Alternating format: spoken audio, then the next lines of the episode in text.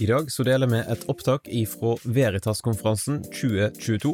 Veritas-konferansen er i hovedsak et samarbeid mellom tre organisasjoner. NLA, Mediehøgskolen Gimlekollen, der Damaris Norge er en randsonevirksomhet, og laget NKSS og Bibelskolen i Grimstad. Vi vil anbefale deg å bli med på Veritas-konferansen 2023. Den 20. til 22. oktober på Bibelskolen i Grimstad. I 2023 så vil hovedtemaet være Fornuft og fantasi arven etter CS Lewis. Sjekk ut veritaskonferansen.no for mer informasjon, og meld deg på i dag.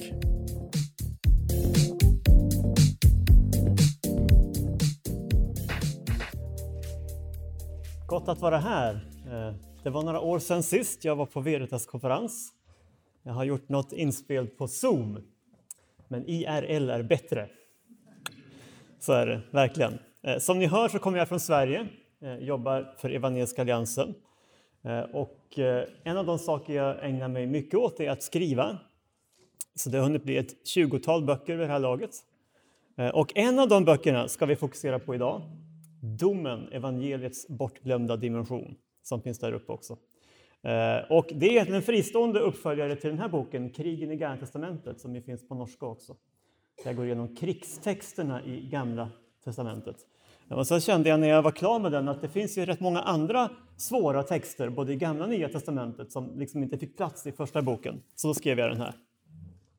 Eh, Men jag tänker att det säger kanske lite grann om, om det som också har varit min kallelse eh, i livet, eh, att, att skriva och jobba med de här frågorna som eh, inte så många andra skriver om och talar om, men som vi nästan alla funderar på.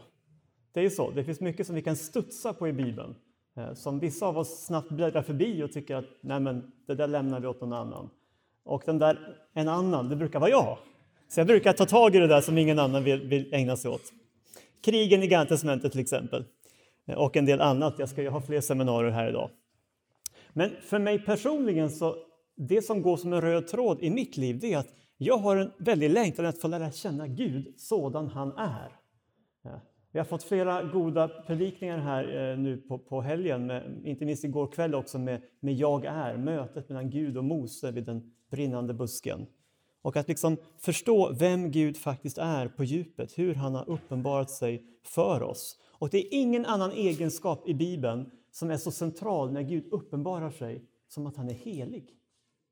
Jag vet inte om ni har tänkt på det, men det finns inget annat namn på Gud, ingen annan beskrivning på Gud som är så vanlig i Bibeln. Vi talar till och med om den tredje personen i treenigheten som den helige Ande. Det är oerhört centralt. Eh, och att Gud är helig, det betyder att han är one of a kind, att han är unik, upphöjd över allting annat. Ehm, och det är också i den rollen han kan agera som domare. Han står fri i den med att han är helt igenom ren, helt igenom unik. Och han är på något vis normen som, som också blir den yttersta domens norm. Vi kommer tillbaka till, till det senare. Men det är också så att det här är en typ av texter som den moderna människan ofta har problem med. När Gud beskrivs som helig, när Gud beskrivs som domare, när han faktiskt beskrivs som farlig. Och det var ju också Stefan inne på igår. En helig Gud är farlig faktiskt, att komma för nära.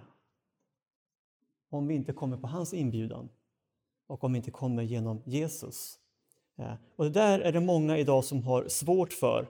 Eh, jag är ju svensk så jag tänker naturligtvis på, på debatten i Sverige och en person som figurerar ofta där är Jonas Gardell. Jag vet inte om han är känd i Norge överhuvudtaget. Men en, en känd kulturpersonlighet i Sverige. Och man kan säga att han bedriver nästan ett korståg mot de eh, så att säga, delar av Bibeln som kan uppfattas som eh, just förknippade med Guds helighet och att Gud skulle vara domare. När Johan Gardell beskriver eh, det som hände på Sinai fjäll, Eh, mötet mellan Gud och Israel där, eh, då talar han om en spricka av iskall och farlig helighet som uppstod mellan Gud och människorna. Eh, han förnekar hela konceptet kan man säga med Guds helighet som någonting sant och gott. Och han säger faktiskt att det här är någonting som vi som bibelläsare ska se bort ifrån, sortera bort, i princip klippa bort de ställena ur Bibeln. Han säger så här som ni ser i det andra citatet att i hela Bibeln löper det två parallella linjer. De löper aldrig samman, säger han. De står emot varandra och låter sig inte förenas. Försoningens Gud och hämndens Gud. Kärlekens inkluderande Gud och den Gud som gör ett urval. Den här boken har sålt i över 100 000 exemplar, så det är ingen liten perifer skrift. Den fick ett oerhört genomslag när Jonas Gardell skrev det här. Och jag tänker mig att det finns liknande röster också i Norge som på något vis vill trycka undan de här perspektiven helt och hållet. Eh, och Det gör också att vi får lite grann en attityd till Bibeln och den kristna tron ungefär som en byggsats. Man bygger, ni vet, man, man, man anser sig själv ha rätt. Vilka byggklossar ska jag använda i mitt bygge? Och så bygger jag min egen religion.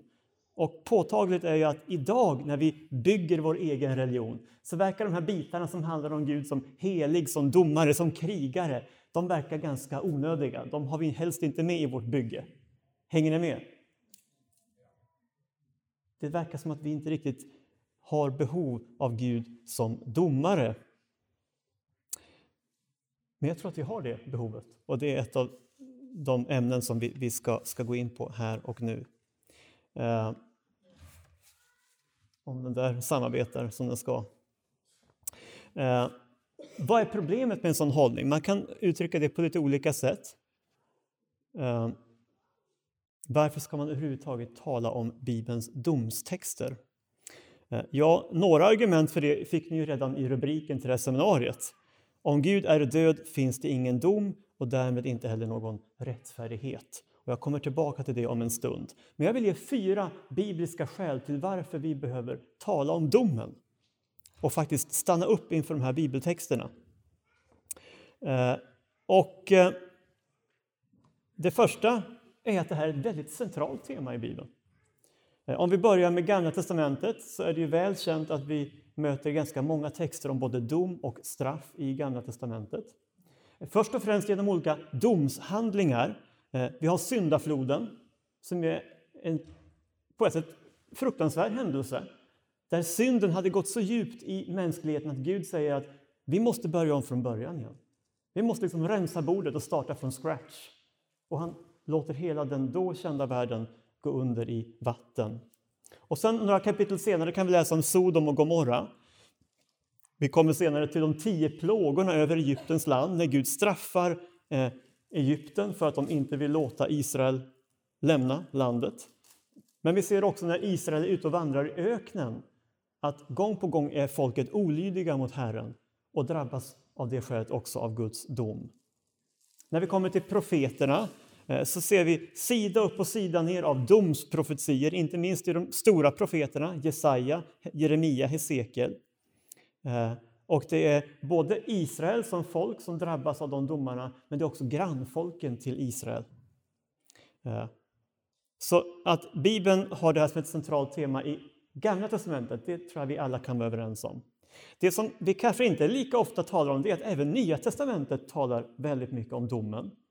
Någon har räknat ut att i var 25 vers i snitt tas det om domen eller Jesu återkomst i Nya testamentet. I snitt var 25 vers. Det är alltså ett av de mest centrala ämnena i hela Nya testamentet. Och den som talar mest om det är Jesus. Ingen talar så mycket som Jesus, om domen som Jesus. Eh, men varje nytestamentlig författare nämner någon gång domen. Till och med de allra kortaste breven i Nya testamentet nämner domen. Det är också intressant. Så om man vill göra som Jonas Gardell och en del andra moderna röster och liksom rensa ut alla de här texterna, då är det väldigt mycket vi måste rensa ut. En stor del av Bibeln som skulle vara inaktuell. Det är ett mycket centralt ämne det här i Bibeln. Eh, inte bara det, det är också starkt förknippat med Herren. Eh, domen är alltså inte bara någonting som, som händer till och från utan det, det har en direkt koppling till Gud själv, till Guds väsen, Guds personlighet. Eh, Gud beskrivs redan i Första Moseboken som hela världens domare. Det, det är en beskrivning av, av Herren själv. Eh, och i Nya testamentet får vi veta att på den yttersta dagen, vem är det då som ska sitta på domarsätet? och döma världen? Ja, det är Jesus. Så om Jesus är viktig för oss så måste domen vara viktig för oss. Om vi vill lära känna vår frälsare på djupet behöver vi lära känna honom, kan man säga, också som vår domare. Och därför läser vi också i trosbekännelsen, i alla fall i vissa kyrkor varje söndag, att Jesus Kristus är uppstigen till himmelen, sittande på allsmäktig Gud faders högra sida, därifrån igenkommande till att döma levande och döda. Det är ett centralt tema och det är intimt förknippat med Herren själv. Eh, man kan också säga att domen har en direkt koppling faktiskt till vårt värde som människor. Och den här tror jag är en, en punkt som vi ofta missar eller underskattar. Eh, Paulus skriver så här att vi måste alla träda fram inför Kristi domstol för att var och en ska få igen vad han har gjort här i livet, gott eller ont. Och vi kan ju reagera lite olika på den här typen av bibeltexter. Eh, för många kan det säkert låta lite skrämmande att vi ska stå till svars för våra liv. Eh, men jag skulle vilja vända på det och säga att det är få saker som talar så starkt om ditt och mitt värde som människor som budskapet att vi alla ska stå till svars för våra liv. Tänk på vad som skulle vara alternativet, att Gud inte brydde sig om någonting av våra liv. Vi bara försvinner ut i mörkret och sen är det that's it. Det är ju alternativet till domen. Men Bibeln säger nej, så värdefull är du att du en dag ska faktiskt göra räkenskap för hur du har förvaltat din tid, dina förutsättningar, dina gåvor, dina pengar. Visst är det personligt, visst är det närgånget, men det säger väldigt mycket om vårt värde som människor. Den dag vi avskaffar domen avskaffar vi också någonting av vårt eget människovärde. Och Det gör också att det sista skälet att vi behöver tala om domen det är att det är ett gott budskap. Det är ett oerhört gott budskap. Ehm, det som domen i grunden handlar om det är att Gud reagerar med vrede på det som är ont i den här världen. Det är vad domen handlar om. Att Gud inte bara ser mellan fingrarna med det som bryter ner hans goda skapelse eh, så när Bibeln talar om Gud som domare är det inte den här nyckfulle tyrannen som liksom kommer och slår till någon med en blixt eller något sånt där. Det finns många sådana myter i, i, i andra religioner, men det är inte en kristen eller biblisk syn på Gud. Nej, när Bibeln talar om Gud som domare är det snarare faktiskt den förtvivlade fadern som har bestämt sig för att han måste vara konsekvent trots att han inte skulle vilja se sina barn lida. Han måste sätta ner foten. Och jag vill ge ett starkt exempel på det. Och jag läser på svenska, men ni får, får det på norska. När Israel var ung fick jag honom kär. Det här är Hosea 11. Och ut ur Egypten kallade jag min son. Men ju mer de har blivit kallade, desto mer har de dragit sig undan. Åt balerna offrar de och åt de uthuggna bilderna tänder de rökelse. Ändå var det jag som lärde Efraim att gå och som tog dem upp i mina armar. Men de förstod inte att jag ville hela dem. Med lena band drog jag dem, med kärlekens band. Jag var för dem lik en som lättar oket över deras nackar. Jag böjde mig ner till dem och gav dem mat. De ska inte få vända tillbaka till Egyptens land, utan Assur ska bli deras kung eftersom de vägrade att omvända sig. Svärdet ska rasa i deras städer och förstöra deras bommar och frossa omkring sig för deras onda planers skull. Mitt folk är benäget till otrohet mot mig och hur mycket man än kallar dem till den som är där ovan, alltså Gud, upphöjer ändå ingen honom. Hur ska jag kunna överge dig, Efraim? Hur ska jag lämna dig, Israel? Hur ska jag kunna göra med dig som är Adma och låta det gå dig som Sebojim? Det är förut grannstäderna till Sodom och Gomorra, Adma och Sebojim.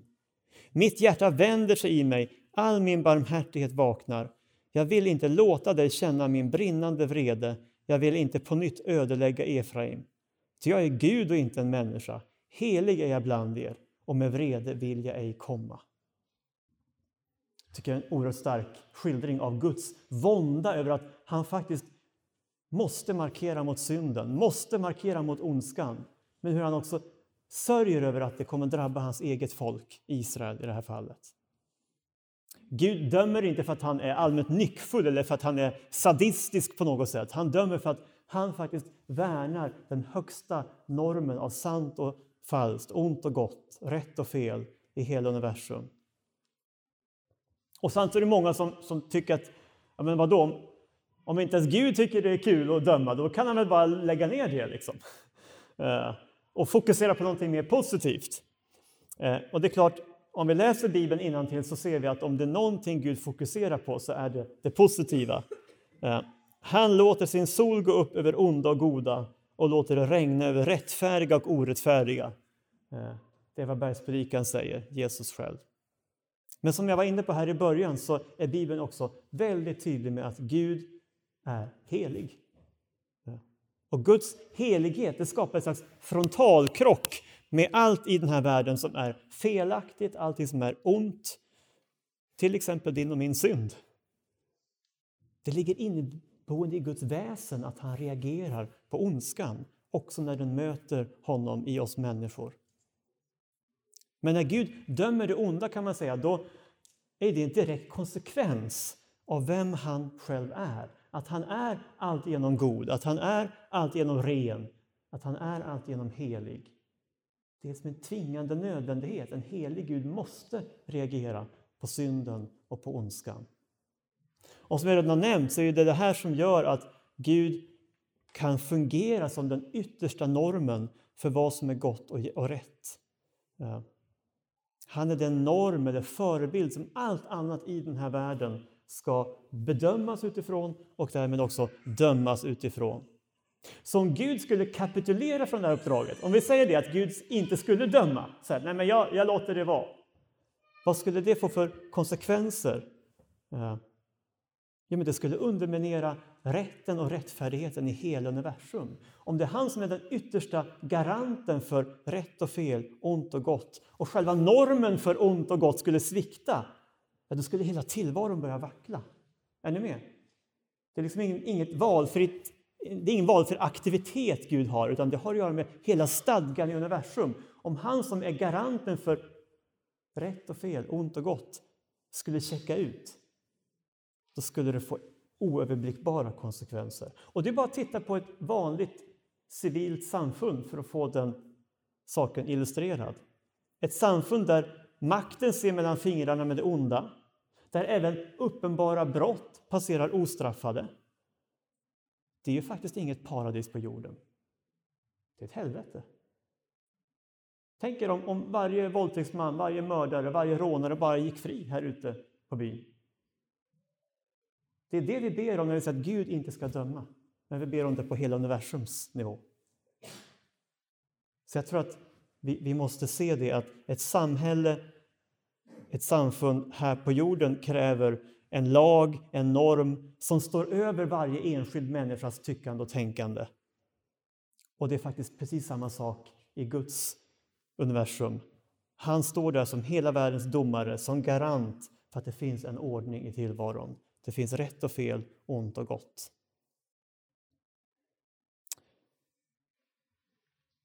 Och Det här är intressant för att eh,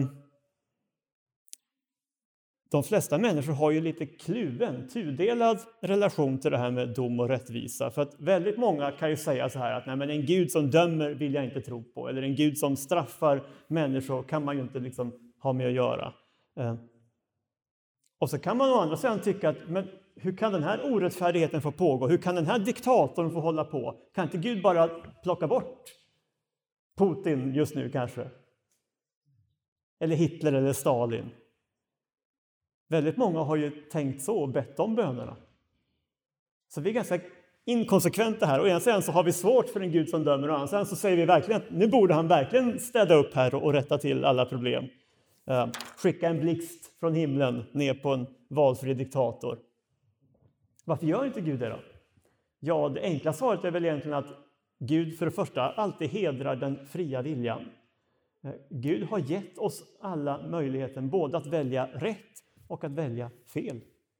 Det var ju det som hände redan i Edens lustgård. Varför fanns det träd med kunskap om gott och ont? Jo, för att det var nödvändigt för människan att kunna välja fel för att också kunna välja rätt. Guds kärlek kräver ett, ett frivilligt gensvar.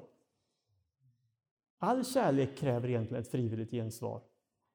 Vi kan inte kommendera någon annan människas kärlek. Och samma sak är det med Gud. Han styr inte över våra val. Han låter oss välja fel.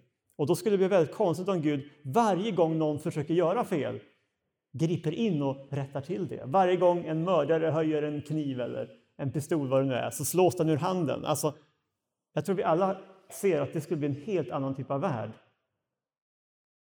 Men lite grann är det det vi, vi ibland ber Gud att, att göra. Men det finns ett ännu mer grundläggande problem med ondskan i världen. Eh, och det är att det är inte bara Hitler och Stalin eller Putin som representerar ondskan i den här världen. Eh, enligt Bibeln är det faktiskt så att alla människor har del i världens synd och bortvändhet. Alla har syndat och saknar härligheten från Gud, skriver Paulus. Och Det innebär i praktiken att om Gud verkligen skulle vara konsekvent, om Gud verkligen skulle komma och döma, då skulle vi alla stryka med. Inte bara de värsta förbrytarna. Vi har alla någon del av världens ondska i oss genom synden. Hänger ni med? Det är faktiskt här som eh, Jesu kors kommer in i bilden.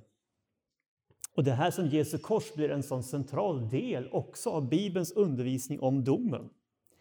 Eh, för det som händer när Jesus avrättas på korset det är ju ingenting mindre än att Gud låter sin heliga vrede över synden drabba inte någon annan, utan sig själv.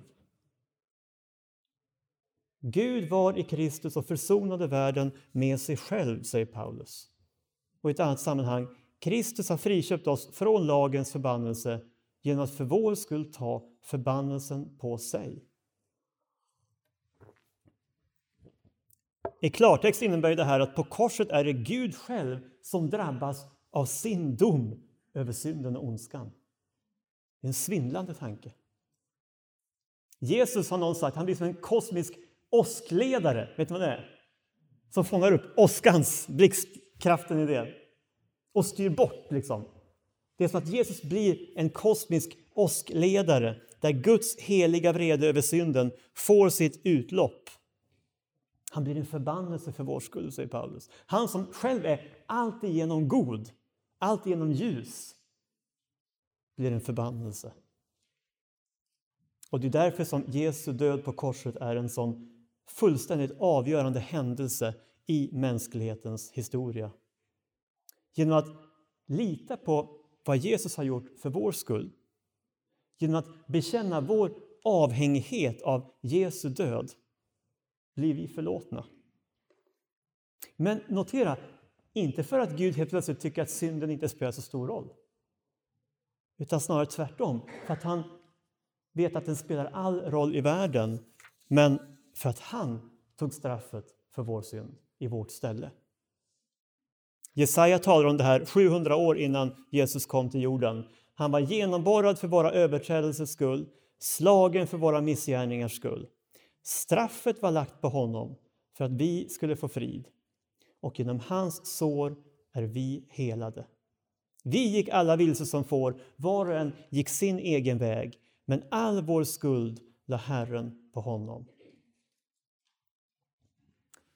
Tack vare Jesu död kan man säga att Guds dom över synden faktiskt har blivit uttalad över våra liv. Han har dömt oss, för när jag bekänner min synd så säger jag ju jag är värd att dömas. Det finns ondska i mitt liv och jag erkänner det. Jag bekänner det. Men som vi ser redan i den här profetian så drabbar straffet någon annan.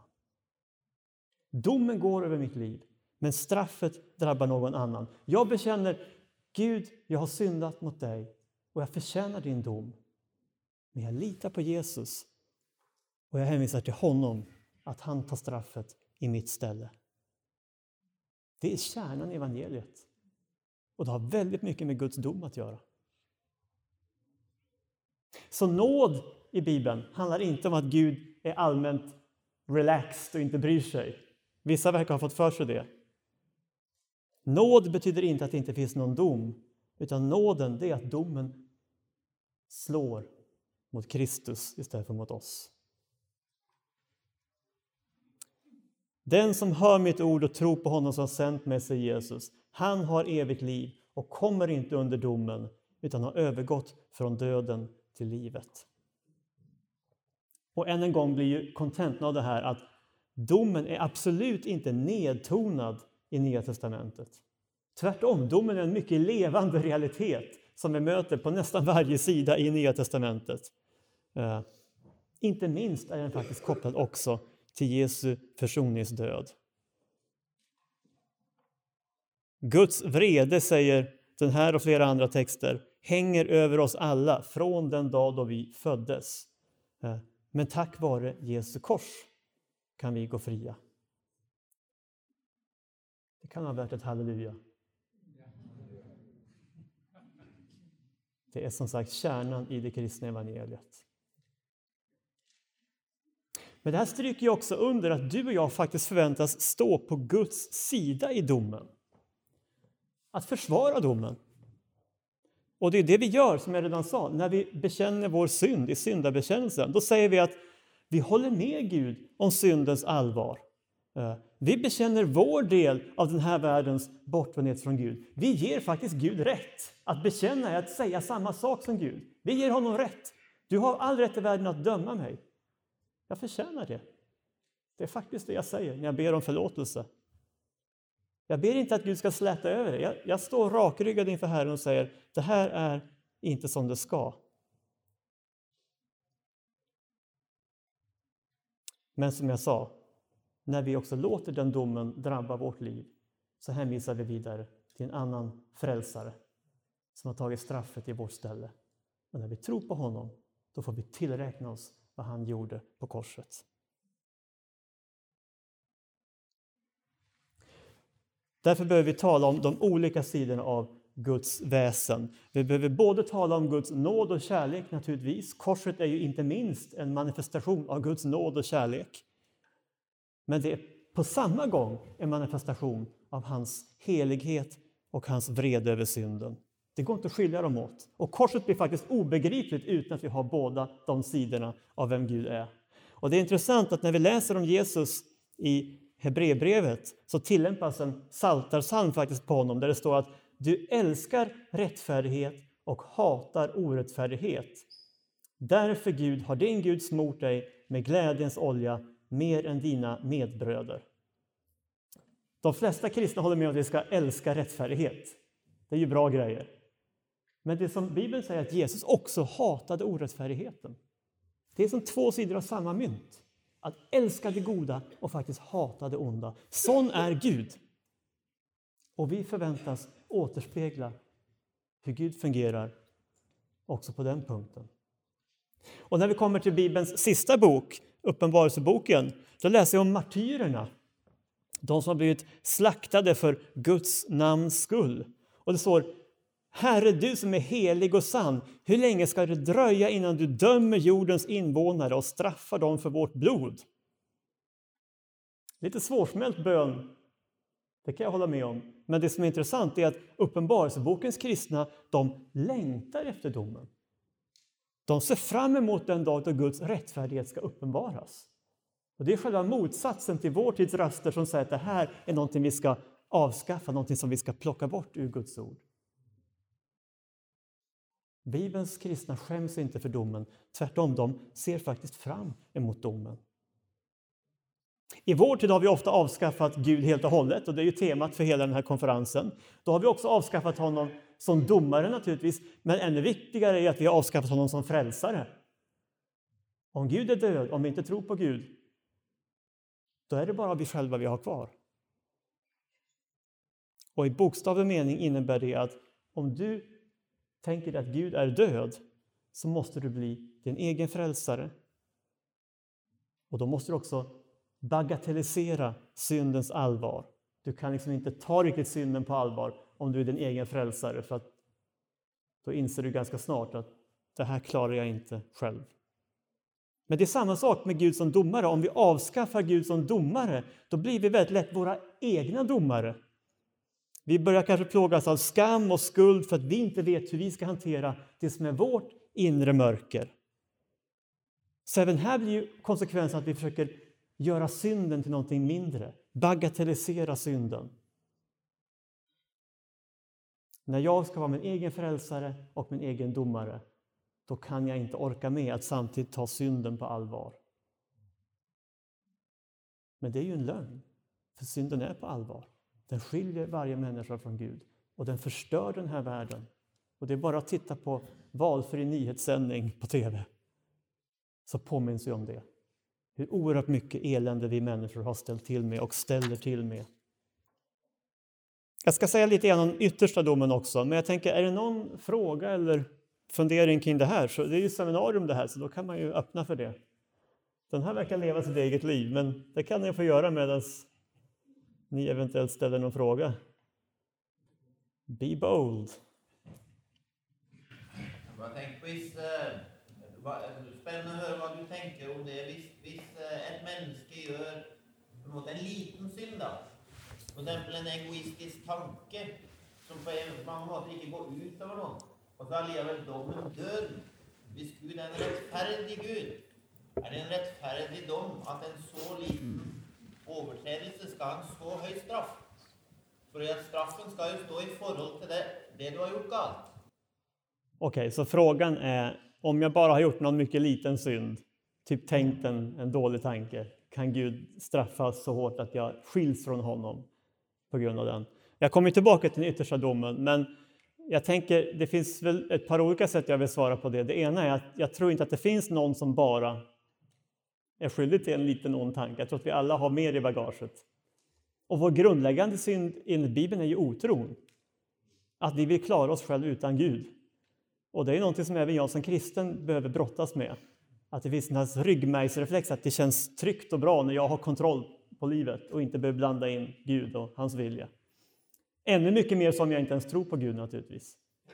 Eh, men sen, det Bibeln säger är att det finns någon principiell sak här att, att uh, har jag brutit mot ett bud har jag brutit mot dem alla, skriver Jakob i Jakobs brev. Och det finns någonting av det att om normen faktiskt är fullkomlighet så räcker det ju principiellt med en enda synd för att jag inte ska vara fullkomlig. Nu tror jag tyvärr inte att någon människa eh, som har levt utom Jesus själv kvalar in där, för att jag tror att vi alla har ganska mycket på vårt syndakonto. Ja. Men det jag vet är att Guds dom kommer vara rättvis på den yttersta dagen. Eh, så han kommer ta hänsyn till alla omständigheter och ingen kommer efter domens dag kunna säga att Gud var orättvis. Det är jag helt övertygad om. Och för mig ger det också en grundläggande vila här. Det är väl ingen kristen som inte upplever det som väldigt vanskligt att eh, kan, våra närmaste vänner eller familj går förtapp på grund av synd. Och så följer vi maktlösa, kanske inte får gjort det vi önskar att göra i förhållande till dem. Då. Nej, men visst, nu är vi tillbaka just i syndens allvar och, och i evigheten. Alltså, Eh, det här är ju en, en vånda för oss alla, som du säger, att, att, eh, att det är på allvar. Eh, och någonstans, vi kan hantera det på olika sätt. Antingen så försöker vi tona ner att det inte är så allvarligt. Då leder det bland annat till att Jesu korsdöd blir väldigt svår att förstå. Varför ansåg han att det var så allvarligt att han behövde gå i döden om synden inte var så viktig, trots allt? Men sen är det ju som jag också sa, ytterst sett är Gud som dömer. Eh, så, så lyckligtvis behöver inte vi avgöra exakt var någon hamnar på den dagen. Men det vi har fått veta och det vi någonstans har att förvalta, det är budskapet att frälsningen får vi genom tro på Jesus. Och det är utifrån den kunskapen och uppenbarelsen vi får så att säga verka här och nu. Eh, och så får vi ytterst lämna åt, åt Herren vad, vad det blir för domslut i varje enskilds liv. Och det är också så, jag har jobbat mycket med Gamla Testamentet, att, att eh, som jag förstår Bibeln så ska ju även de som levde på Gamla testamentets tid och även de som då drabbades av en mer kollektiv dom faktiskt få dömas personligt var och en. Jesus säger till exempel att det ska bli lindrigare för Sodoms och Gomorras invånare på yttersta dagen än för vissa som levde nära Jesus och sa nej till honom i Israel. Eh, och det tyder på att även Sodoms och Gomorras invånare ska få en individuell dom. Och det låter som att det kan vara några där som faktiskt blev frikända i den domen. För att de inte var så delaktiga i Sodoms synd som, som majoriteten var. Det kan vi inte veta, men Jesus öppnar i alla fall för den möjligheten. Och det tänker jag, det måste vi kunna bredda och säga att, än en gång, Guds yttersta dom kommer alltid vara rättvis. Det kan vi verkligen veta. Jag, kommer, jag ska säga lite mer om den yttersta domen. Är det någon som har någon mer fråga kring, kring de andra bitarna innan dess. Annars så kör vi på så kan vi fortsätta. Då tror jag att vi gör det. Eh, och så får vi se vad vi har för tid, tid då. Eh, och det finns många texter, jag nämnde redan att det är Jesus som talar mest om den yttersta domen i Bibeln. Eh, men vi kan ta ett kärnfullt exempel, Matteus 13. Som när ogräset samlas ihop och bränns upp i eld ska det vara vid tidsålderns slut. Människosonen ska sända ut sina änglar och de ska samla ihop och föra bort ur hans rike alla som blir andra till fall och lever i laglöshet. Och de ska kasta dem i den brinnande ugnen. Där ska man gråta och skära tänder. Då ska de rättfärdiga lysa som solen i sin faders rike. Hör du som har öron att höra med. Det får man väl ändå säga är en, en väldigt tydlig och klar text gällande den dubbla utgången. Eh, I en annan text i Johannesevangeliet talar Jesus om sin relation till Fadern och då säger han så här att liksom Fadern har liv i sig själv så har han gett åt Sonen att ha liv i sig själv. Och han har gett honom makt att hålla dom eftersom han är Människoson. Förvåna er inte över detta, till den stund kommer då alla som är i gravarna ska höra hans röst och gå ut ur dem. Den var inte samarbetsvillig den här. De som har gjort gott ska uppstå till liv och de som har gjort ont ska uppstå till dom, säger Jesus. Eh, och jag skulle kunna ge många fler exempel, men det här är ur två olika evangelier där Jesus talar om en tydlig dubbel utgång. Eh, den mest ingående skildringen av det här får vi i Bibelns allra sista kapitel, Uppenbarelseboken 17, 18, 19, 20 och 22. Eh, och vi hinner inte läsa dem nu naturligtvis, eh, men jag tänkte ändå avsluta med att säga lite grann om vad det är för bild som målas upp i de här kapitlen. Eh, det som står i de första kapitlen här, 17 till 20, eh, det är att Guds dom kommer att falla i tre olika steg. Eh, först över Babylon, sen över den sataniska treenigheten. Jag vet inte om ni känner till den. Djävulen, odjuret och den falska profeten. I Uppenbarelseboken är det den sataniska treenigheten. Eh, och sen det sista som sker är att människan döms. Eh, Babylon är intressant, för det är ju ett för Rom i det sammanhanget. Men det är också en slags evig profetisk bild för den här världens ondska, girighet, moraliska förfall. Eh, så man kan säga att det första Gud tar tag i, Uppenbarelseboken 17 och 18, det är ondskan i sin mer raffinerade form. Eh, alltså ett korrumperat, ett förtryckande samhällssystem. Vi talar ibland om strukturell ondska. Det kanske ni känner igen. Eller strukturella problem. Eh, det är faktiskt så att Bibeln säger att det första som ska dömas i den yttersta domen, det är den strukturella ondskan. Och den förkroppsligas här av Babylon, som är som ett fördärvat samhällssystem. Eh, men vi kan nog tillämpa det på, på, på, på den fallna världen i stort. Där det inte alltid finns enskilda företrädare bara som är onda, utan hela systemet är ont. Och ni vet kanske i Uppenbarelseboken talar man om, om romarriket som, som odjuret, som ett, ett, ett ekonomiskt och politiskt system som har blivit demoniskt. Och jag tänker att vi kan se samma sak i vår tid, där hela politiska strukturer, hela företagsstrukturer också för den delen, är så ruttna, så korrumperade att man kan ta att här finns en demonisk ondska. Men det är svårt att riktigt ställa någon till svars för den, för den sitter i hela bygget. Är ni med?